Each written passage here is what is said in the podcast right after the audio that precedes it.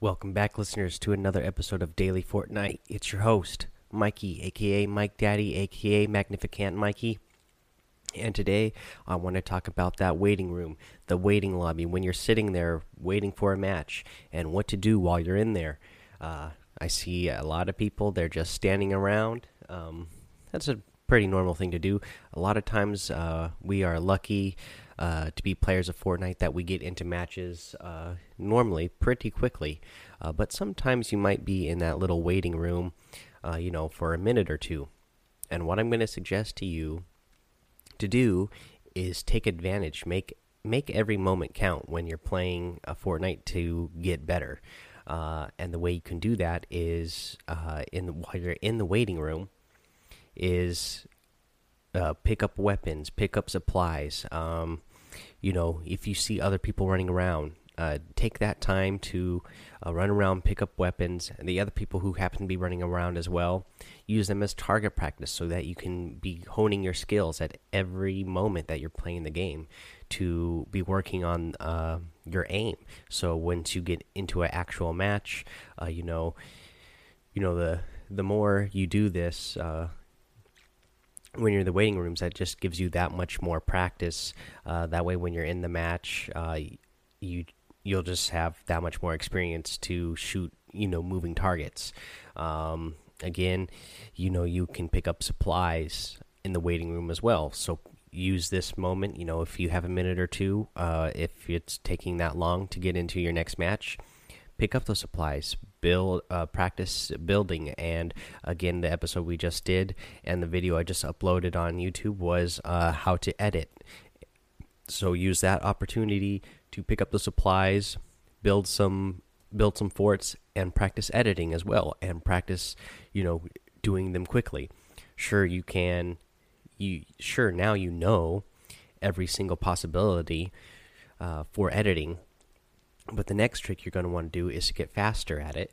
And again you can do you can you know go land somewhere out in the middle of nowhere to practice building your forts and editing uh, but then you know that's using a match. Uh, so if to use every moment again do it in the waiting room as well. That way you are maximizing all your time on getting better at playing fortnite and again you're doing the same thing. Uh, you know if you if you get an actual match and you land somewhere far away um, out in the middle of nowhere you're not going to be able to practice um, aiming and shooting a moving target. Uh, this is a great way to do it in the waiting room.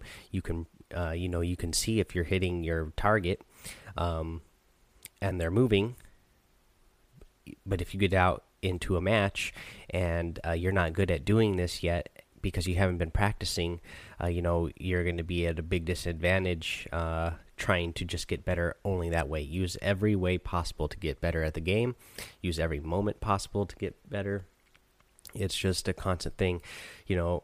That's going to give you that much bigger of an advantage over the guys who are just standing around in the waiting room. Um, you know, especially the guys who are lower tier level or even the middle tier level players, uh, because you even if you are a lower level right now or the middle or a middle level player right now you're going to rise up to that next level that much faster just by using every single moment you can to get better at the game.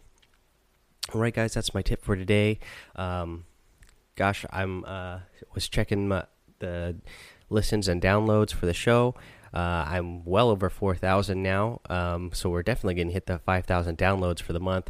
It almost makes me feel like I should have uh, shot a little bit higher for a uh, for what I was hoping for the month. But you know, I'm going to go ahead and leave it at five thousand because uh, I'm going to be glad uh, once I do hit that. Um, again, I'm hoping that more of you are going to go ahead and go over to iTunes, rate, review, and actually subscribe to the show. Um, we'll see what else. Uh, head over to the YouTube channel, Mikey's Mixed Media. Mm, that's good stuff. Uh, so and subscribe there. Go check out the video tutorial on uh, the editing, uh, how and why. Uh, there's also a, link in the de description of the show for a Discord channel.